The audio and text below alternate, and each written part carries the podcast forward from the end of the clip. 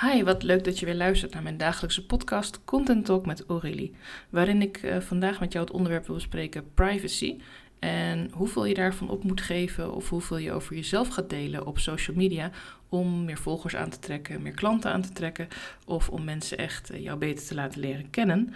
Um, en eigenlijk ben ik gewoon als eerste heel erg benieuwd, wat deel jij over jezelf in je eigen content? Dus als je een blog uh, schrijft of een post deelt, of misschien een podcast of video, hoeveel van jezelf wil je daarin laten zien? Hoeveel van jezelf voelt daarin oké ook om te laten zien?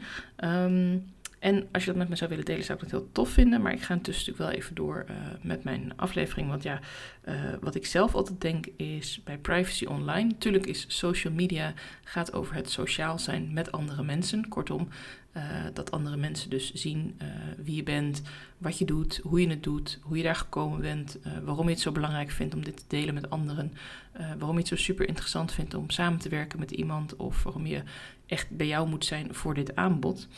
Um, en dan ben ik wel benieuwd, uh, de onderwerpen die je daaronder laat vallen, zijn het ook dingen die je bijvoorbeeld op straat zou bespreken met je buurvrouw? Als je samen in de tuin staat of voor de deur, of je buurvrouw of buurman heeft de hond uitgelaten en je komt elkaar tegen. Uh, ik zelf loop nog wel eens terug met een ouder van school die op mijn buurt woont en loopt een beetje te kletsen. En wat zijn dan de dingen waarvan je zegt, ja, dat kan ik gewoon delen, daar voel ik me verder niet bezwaard over. Dat is misschien wel iets uit mijn privéleven, maar en ik spreek deze buurvrouw één keer in de week of één keer in de twee weken, wat dan ook. Dus niet echt een hele goede vriendin of, of iemand die je echt dagelijks om je heen hebt. Geen partner bedoel ik dat. Bedoel echt iemand die je wat minder vaak ziet, maar die je gewoon aardig vindt. Kortom, je volgende klant bijvoorbeeld. Dus ook iemand die je gedurende een periode wat vaker ziet, maar verder uh, in de meeste gevallen blijft er daar ook bij en heb je het voornamelijk over het werk. Maar die connectie maak je natuurlijk doordat je dingen met elkaar gaat delen. Uh, die uh, ja, soms ook wel een beetje intiem voelen, die ook wel een beetje dicht bij je staan. En hoe komt dat nou? Ja, eigenlijk vraag je dat ook van jouw klant. Want of ze nou met een slaapprobleem bij je komt, of uh, moeite heeft met dingen loslaten, of met haar emoties reguleren, of dat ze moeite heeft met strategie uitzetten, ze komt heel kwetsbaar bij jou, hij of zij. Um, en dat betekent dus dat die kwetsbaarheid, dat je dat op een bepaalde manier ook wel terug mag geven aan haar. Um, dat jij dat ook kunt laten zien. Dat is een soort wederkerigheid in de communicatie. Dat mensen gaan pas echt dingen met jou delen als je zelf ook laat zien dat je ook wat durft te delen. En dat kan best wel spannend zijn. Dat kan best wel een grens zijn voor jou. En wanneer trek je nou die grens en wanneer zeg je nou nee, ik ga er toch doorheen? Ja, dat is echt strikt persoonlijk. Zelf vind ik op het moment dat ik het niet met mijn buurvrouw op straat kan bespreken, waar iedereen het zou kunnen horen, waar die buurvrouw misschien ook aan iemand anders vertelt, ja, dan ga ik het ook niet online zetten. Want ja, dat is toch eigenlijk precies hetzelfde of misschien zelfs wel groter online dan tegen mijn buurvrouw. Dus dat is een beetje wat ik zelf aanhoud. Ik ga niet in deze podcast vertellen hoe jij het moet doen. Uh, er zijn hele verschillende mensen met hele verschillende ideeën over privacy en wat hou je voor jezelf en wat mag je delen. Dat ga ik echt geen oordeel over vellen, want ja, dat is gewoon helemaal hoe je jezelf prettigst voelt. Misschien vind je deze scheidslijn die ik trek eigenlijk al te, te, te, breed en denk je van nee hoor, ik zou best met mijn buurvrouw willen bespreken, maar zeker niet in een post online. En dan is dat ook helemaal oké.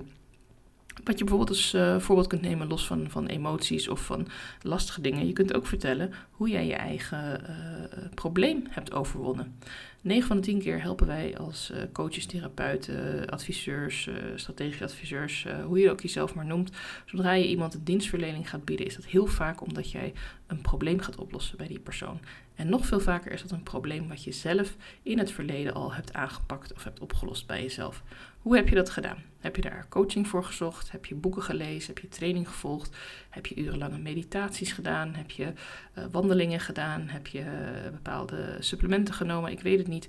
Als het iets is wat jou heeft geholpen en wat ook in jouw eigen praktijk helpt om anderen weer te helpen, dan kun je dat delen. En dan kun je dat delen dat het echt jouw levensweg is. En hou er dan wel in de gaten dat het niet zozeer gaat om wat jij specifiek hebt gedaan, welke coach jij hebt gesproken, welk boek je precies hebt gelezen.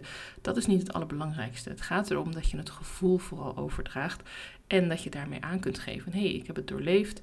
Ik ben de expert, want ik heb erover doorgeleerd. Ik heb training gevolgd. Ik heb me erin verdiept. Ik ben al jaren mee bezig bijvoorbeeld. En dat je dus dan kunt laten zien aan jouw klant van daarom kan ik het ook aan jou leren, omdat ik weet waar ik het over heb. En zelfs al heb je iets niet doorleefd, er is een reden waarom je dit bedrijf bent gestart en waarom je dit wil aanpakken. Misschien heb je het van dichtbij meegemaakt, een zus, een vriendin, een, uh, je moeder. Uh, misschien uh, werk je in een bepaalde situatie waar dit heel veel voorkomt, heb je daar heel veel ervaring op gedaan. Er is niet maar één weg naar Rome. Ik noem nu gewoon voorbeelden op van hoe je kunt laten zien, een stukje van jezelf, zonder dat het helemaal in je privéleven hoeft te duiken, zonder dat ik van je hoef te weten of je een partner hebt, of je op man of vrouw valt, of je kinderen wil of niet, of je ze al hebt of niet, uh, wat voor heftige dingen je in je leven meegemaakt. Iedereen heeft heftige dingen meegemaakt. Dat bestaat bijna niet dat er mensen zijn die geen heftige dingen hebben meegemaakt. Dus het is alleen aan jou. Wil ik daar specifiek over delen? Voel ik me daar zo lang bij? Vind ik dat prettig? Uh, is dat iets wat ik echt wil delen? Of is dat iets wat ik vind, nou, dat hoeft helemaal niemand te weten. En misschien past het ook helemaal niet bij het werk wat je doet. Hè? Het, is helemaal niet een soort must of zo om dingen over jezelf te delen. Maar deel dan bijvoorbeeld uh, hoe je zelf je eigen bedrijf hebt opgericht. Hoe, waarom ben je ondernemer geworden? Kan ook wel een heel mooi verhaal zijn. Uh, stel jezelf eens de vraag: waarom heb ik voor dit vak gekozen? Heb je een bepaalde studie gedaan die misschien niet iedereen doet? Uh, ik noem maar iets milieukunde of zo, ik weet het niet. Een studie toevallig waar ik laatst over hoorde. En daarvoor had ik eigenlijk niet zo heel vaak over gehoord dat mensen dat doen. Dus dat is ook wel super interessant. Misschien heb jij een bepaalde studie in het buitenland gedaan. Heb jij een buitenlandse coach gekozen?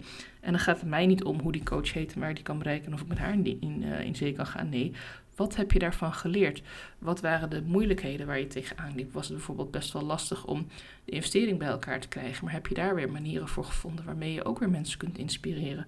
Er zijn zoveel verhalen in jouw leven en in jouw werk die je kunt delen zonder dat je meteen heel erg de diepte in hoeft te gaan en jezelf heel kwetsbaar op hoeft te stellen. Ik ben aan het begin begonnen, aan het begin begonnen klinkt een beetje gek, aan het begin van deze podcast deelde ik dat ik het belangrijk vind dat je jezelf je kwetsbaarheid laat zien. Omdat ik weet dat dat nou eenmaal werkt, beter werkt om een link te maken, om een verbinding te leggen met iemand. Maar dat betekent niet dat je je volledig kwetsbaar hoopt op te stellen. Dat is niet nodig. En als het niet oké voelt, doe het dan ook niet. Wat ook kan, is dat het nu nog niet oké voelt, maar dat je er over een half jaar of een jaar wel oké bij bent. En dan kies je op dat moment weer andere grenzen. Want grenzen liggen niet vast in steen. Jouw eigen grenzen, jouw persoonlijke grenzen, daar mag je echt aan houden. Maar die mogen ook verschuiven. Op het moment dat jij meer comfortabel wordt met iets, of misschien een andere manier vindt om erover te praten, waardoor het niet zozeer over jou gaat, maar waardoor je wel stukjes van jouw ervaring erin kwijt kunt, bijvoorbeeld, dat voel je zelf het beste aan. Dat kan ik je niet leren, dat kan niemand je leren. Dat mag je echt zelf ontdekken. En uh, wat heel erg helpt voor mij, uh, als ik bijvoorbeeld ergens denk van hé, hey, hoe ga ik dit doen? Ik zou het wel willen delen, maar ik vind het spannend of lastig. Dan ga ik het bijvoorbeeld opschrijven in een uh, persoonlijk journal. Gewoon zo'n boekje. En dan schrijf ik het gewoon voor mezelf uit. En dan zie ik, hé, hey, hoe heftig vind ik dit? Oké, nee, dit wil ik inderdaad niet met de wereld delen. Nou, dan doe ik dat niet. Maar misschien zijn er wel stukjes uit die ik wel kan delen. Misschien als ik gewoon lekker een half uurtje heb zitten schrijven bijvoorbeeld, dat er wel uh, woorden of zinnen uitkomen die ik dan weer los kan delen. Dan zegt dat niet dat het mijn verhaal is, dan ligt er geen hele gevoelige nadruk op, dan zijn het mooie zinnen of mooie woorden. Dan kun je het zelfs nog als een soort van quote uh, neerzetten, maar het komt wel uit jezelf. Het blijft dicht bij jezelf en zonder dat je je eigen grenzen van privacy over hoeft te gaan, laat je dan toch iets van jezelf echt zien. En tot slot wil ik het ook nog met je hebben over de call to action. Want soms dan delen we iets heel persoonlijks. Of dan delen we iets over ons eigen leven. Of uh, ja, over wie je bent of hoe je hier gekomen bent. En dan voelt het gek om daar dan een call to action aan te hangen. Maar waarom is dat eigenlijk? En ben benieuwd of je daar een antwoord op hebt. Call to action, waarom is dat raar om dat te delen als je iets persoonlijks deelt? Waarom als ik nu een verhaal vertel over mijn aanbod en over wat ik wil verkopen en wat ik uh, graag met jou wil samen doen en waarvan ik denk van hé, hey, dit is hartstikke tof en uh, dit uh, kan ik je graag mee helpen, waarom mag ik dan wel een call to action doen en zeggen van nou, ga naar deze pagina om meer te weten of om direct aan te vragen of om een gesprek in te plannen. En als ik dan iets persoonlijks vertel, bijvoorbeeld dat ik iets vertel over mijn kinderen en wat er dan is gebeurd, of dat ik dat dan op een manier kan koppelen aan een, aan een les van mij of over waarom ik mijn bedrijf ben begonnen bijvoorbeeld, waarom zou ik me dan daar een grens trekken over een call to action? Ik heb soms het idee dat mensen denken dat sales los moet staan van, uh, van wie we zijn. Terwijl als ondernemer, ja, uh, zonder sales geen onderneming. Dan is een hobby. Dus ik denk dat, we, dat ik in ieder geval het idee los mag laten. En ik ben er zelf ook nog mee wel aan het zoeken soms hoor. Het is niet altijd dat het vanzelf gaat. Um, en misschien dat jij het herkent en dat je ook denkt van ja, soms vind ik het gewoon heel lastig om iets... Dan heb ik al die hele grens over, overgestoken om... Um, of heb ik die grens verlegd, moet ik eigenlijk zeggen, want je moet niet de grens overgaan. Je gaat hem verleggen. Het voelt oké om te verleggen. En dat je nu wel iets deelt over jezelf. Maar dat het toch nog niet helemaal oké voelt om dan ook iets te zeggen over je aanbod. Maar ja, waarom zou je dan anders iets delen?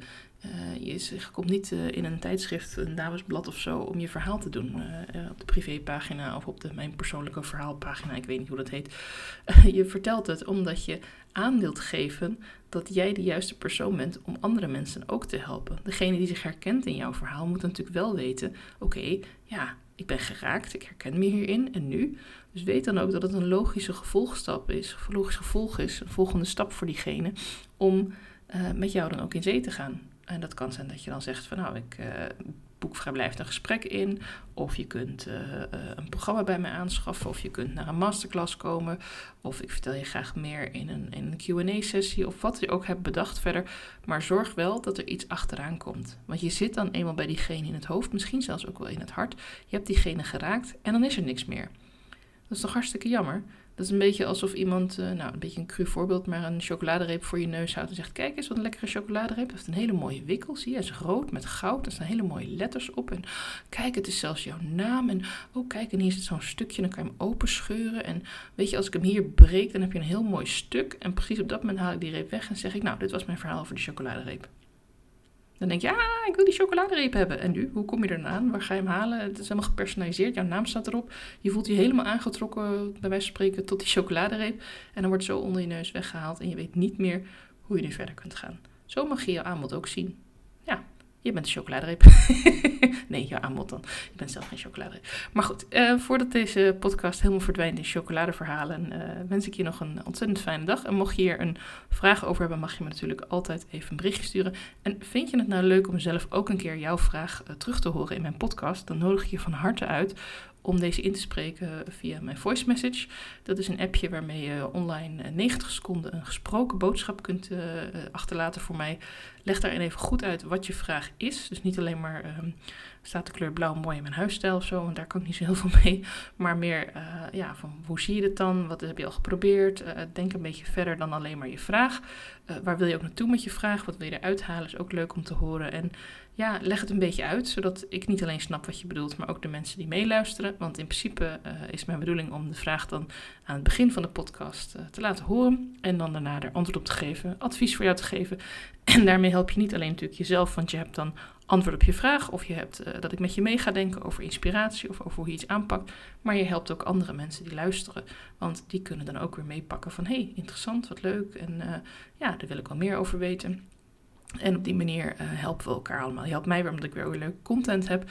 Dus uh, als je nou vandaag uh, dat berichtje inspreekt, dan weet ik zeker dat je binnenkort van mij een mailtje krijgt met... nou, ik heb je vraag uitgebreid behandeld in mijn podcast en die, die dag komt die online. Ik wens je voor nu een hele, hele fijne dag en blijf lekker luisteren en graag tot mijn volgende podcast.